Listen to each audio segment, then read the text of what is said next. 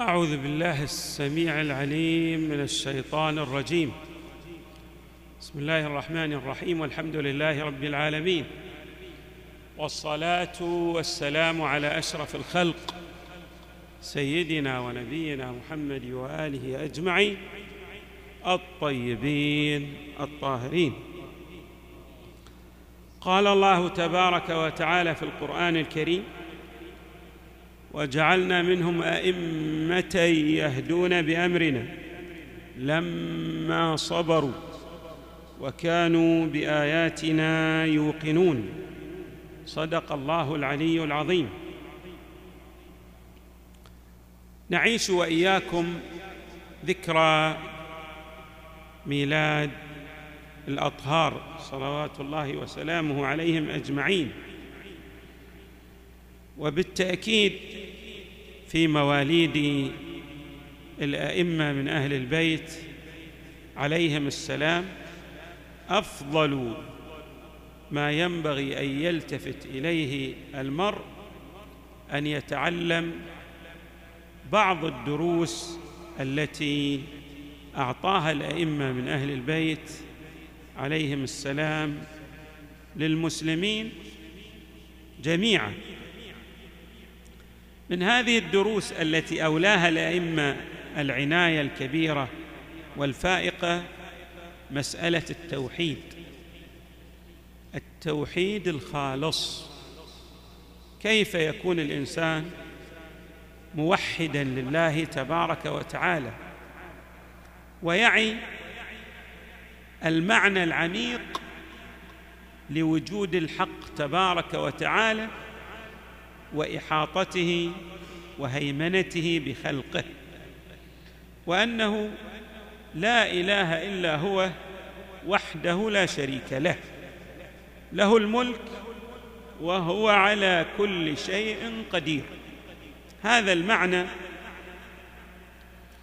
ماذا ينبغي للموحد أن يعيه من وجود الحق تبارك وتعالى؟ وما هو المراد بعلم الموحد بوجود الله تبارك وتعالى؟ الأئمة من أهل البيت أولوا هذا الموضوع عناية كبيرة كما أشرنا. وهذا الموضوع أيضا أولاه القرآن الكريم العناية الكبيرة. ولكن هناك آيات غير محكمة في القرآن الكريم. بمعنى يمكن أن يفهم منها القارئ للقرآن الكريم أكثر من معنى. ولهذا جاءت الروايات والأدعية والمناجات عن النبي صلى الله عليه واله والأئمة من أهل البيت لتفصح لنا عن المعاني الدقيقة لاي القرآن الكريم. لنتأمل فيما يقوله الإمام الحسين عليه السلام. الإمام الحسين له بيانات متعددة في إيضاح التوحيد الخالص. التوحيد الخالص. يقول الإمام عليه السلام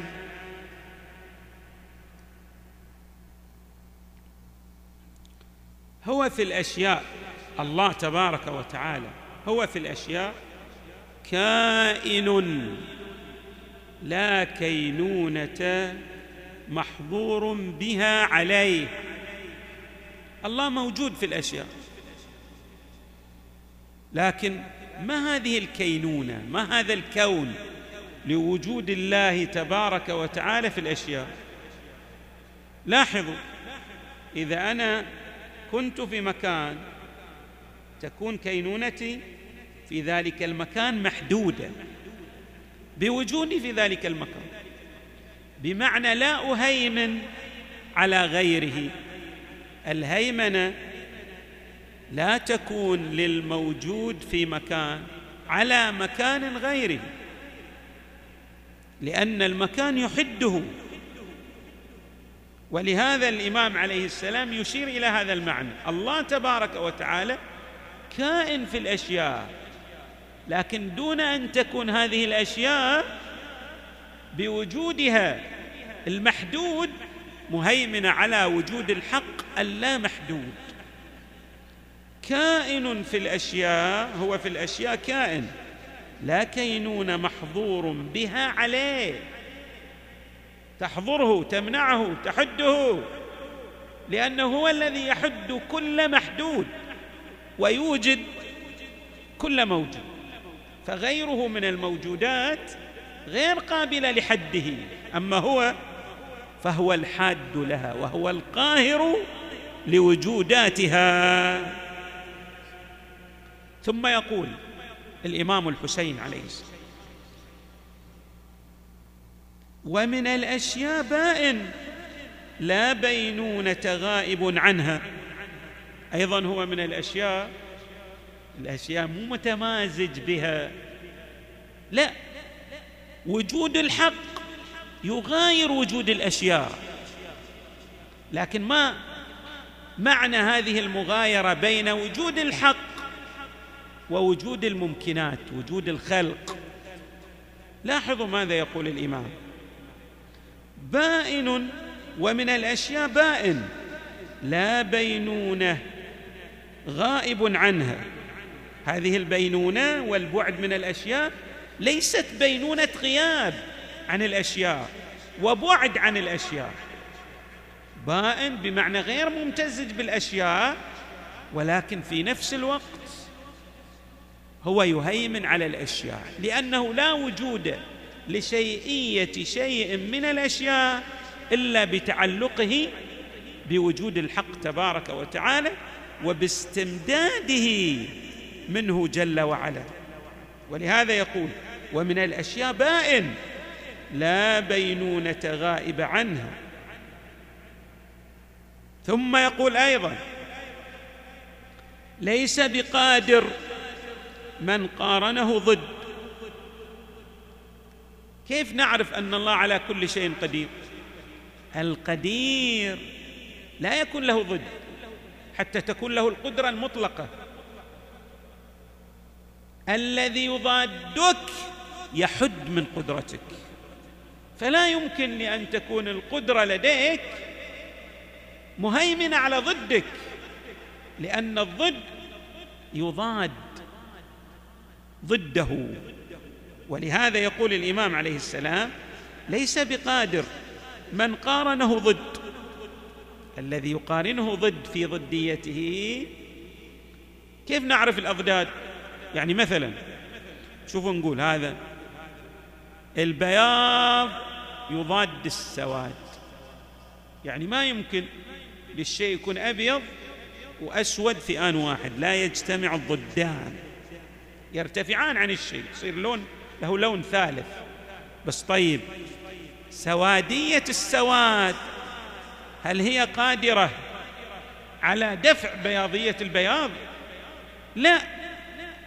إذا كان البياض هذا ضد للسواد لا بد أن يكون أحدهما مزيل للآخر. لأن لا يمكن أن يجتمعا في آن واحد.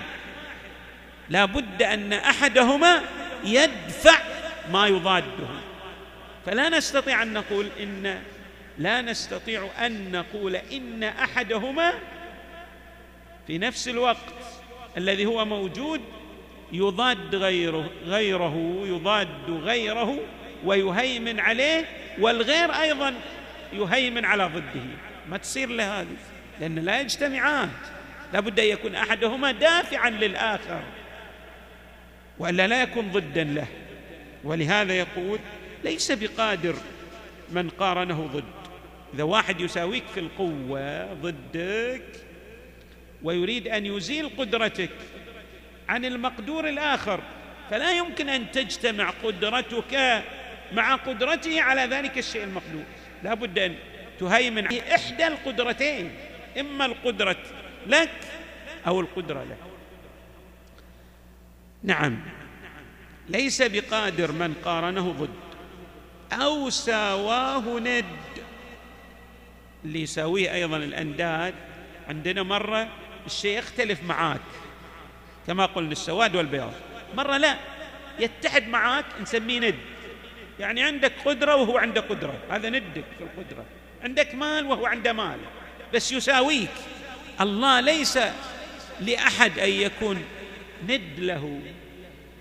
في صفاته أو في ذاته وأيضا ليس لأحد أن يضاده بمعنى يخالفه. يريد شيئا لا يريده الله فيختلفان. الله ليس له ضد وليس له ند. يعني مساو له في القوة والقدرة. لأن الله تبارك وتعالى هو خالق الأشياء. فكيف تكون الأشياء؟ تضاده. أو تناده ليس عن الدهر قدمه. لما نقول إن الله قديم هل نقصد أنه قديم يعني أقدم من خلقه؟ بالمقارنة إلى خلقه؟ لا. قدمه لأنه قبل القبل بلا قبل. هذا قدمه.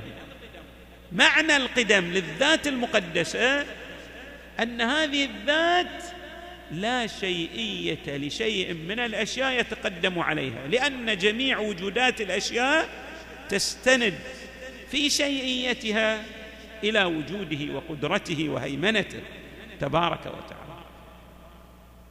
فإذا لما نقول قديم لا نقصد بالإضافة إلى غيره لما نقول مثلا ذاك هذا المبنى قديم نقصد بالنسبة للمبنى الحديث. لكن لما نقول إن الذات المقدسة قديمة دون مقايسة مع غيرها من خلقها لأن لا يقايس بها شيء وإنما قدمه بما أنه قبل القبل بلا قبل. كما أن ماذا؟ هو بعد البعد بلا بعد. فهو لا يقاس إلى الأشياء بالنسبة لحدوثها. ولا يقاس إلى الأشياء بالنسبة إلى بقائها واستمرارها وأبدها لأنه هو قبل القبل كما قلنا بلا قبل بلا قياس إلى شيء من الأشياء التي أوجدها تبارك وتعالى وهو تبارك وتعالى أيضا بعد البعد بلا بعد يعني لا يقاس بعديته لا تقاس بغيره جل وعز. اذا لاحظوا هذا المع... هذه المعاني الدقيقة من التوحيد التي يطرحها الإمام الحسين عليه السلام. وفي دعاء عرفه أيضا له بيانات دقيقة جدا للتوحيد الخالص. يعني للإمام الحسين ولبقية الأئمة من أهل البيت صلوات الله وسلامه عليهم أجمعين بيانات متعددة في شرح حقائق التوحيد. وما ينبغي على المسلم أن يعيه أن يدركه من معاني التوحيد الخالص. ننظر أيضا إلى ما قاله الإمام زين العابدين عليه السلام. في هذا المعنى الذي ذكره أبوه الإمام الحسين عليه السلام. يقول الإمام سبحان من لم يجعل في أحد من معرفة نعمه إلا المعرفة بالتقصير عن معرفتها. هذا بيان دقيق. إذا أردت أن تتعرف على نعم الله في عالم وجودك هذا المادي هل تستطيع؟ وإن تعدوا نعمة الله لا تحصوها. ما يمكن. هذا بالنسبة لعالم المادة. النعم المادية وغير المادية. هل لأحد أن يحيط بنعم الله عددا أو إحصاء؟ ما يمكن لاحد ابدا. سبحان من لم يجعل في أحد من معرفة نعمه إلا المعرفة بالتقصير عن معرفتها. كما لم يجعل شوفوا شلون؟ يفصل هنا. اولا انتقل يبغي يدلل لنا من عالم الإمكان. إلى أن يوصل أذهاننا وأفئدتنا وعقولنا إلى المعنى الدقيق لمعرفة التوحيد بالنسبة لواجب الوجود للحق تبارك وتعالى. كما لم يجعل في أحد من معرفة إدراكه أكثر من العلم بأنه لا يدركه. أقصى ما أعطاك من القدرة لإدراك وجود الحق تبارك وتعالى ان تعي أن تدرك بأنك غير قادر على الإحاطة بذاته المقدسة. هذا أقصى ما أعطاك. إذا وصلت إلى هذه المعرفة في الروايات أيضا تبين لنا أن من علم أنه لا يحيط بشيء من النعم ما يقدر يحصي النعم. شكر الله قال إلهي أنا لا أستطيع أن أحصي نعمك عددا فلك الشكر. الله يجعل هذا غاية شكرا غاية شكر هذا الشاكر. يعني يكتبه من الشاكرين. هكذا الحال أيضا.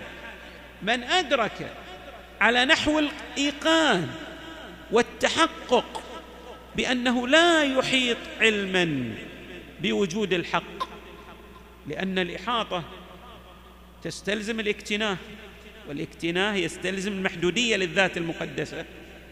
فعند ذلك الله يجعله ماذا؟ من الموحدين المؤمنين العارفين بوجود الذات المقدسة. ولذا الإمام عليه السلام يربط بين إدراك الشكر بالمعنى الدقيق لمعرفة الشكر في عالم الممكنات وبين معرفة الذات معرفة الله تبارك وتعالى. كما لم يجعل في أحد من معرفة ادراكه أكثر من العلم بأنه لا يدركه. فشكر فشكر عز وجل معرفة العارفين بالتقصير عن معرفته. الله يشكرك. الله هو الشاكر. كيف يشكرك؟ لأنه علم بأنك أدركت أنك لا تستطيع الإحاطة بالنعم التي أفاضها عليك وأغدقها على وجودك. ما تستطيع؟ خلاص. الله كتبك من الشاكرين.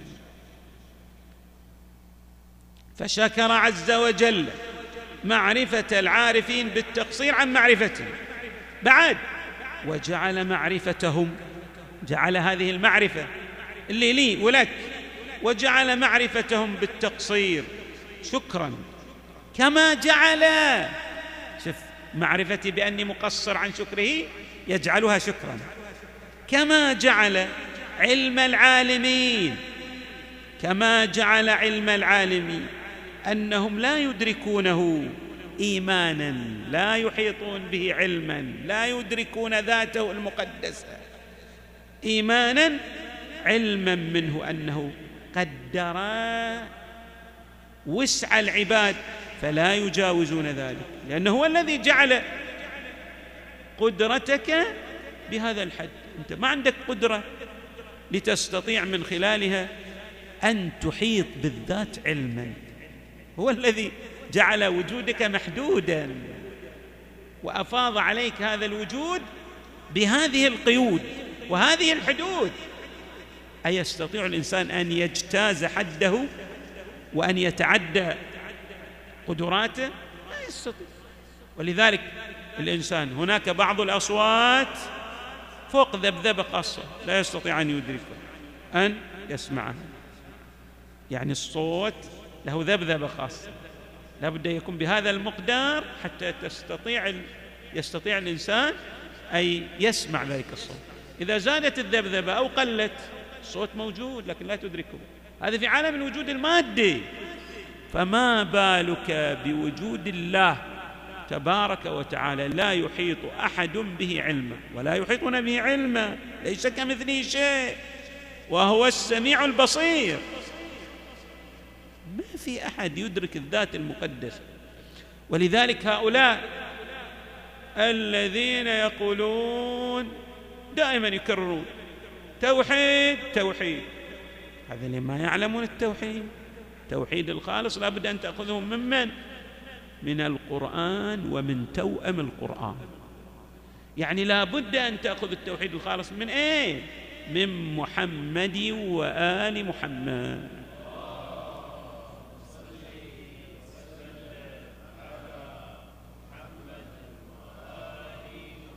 نسأل الله تبارك وتعالى أن يجعلنا مع أئمتنا في الدنيا والآخرة.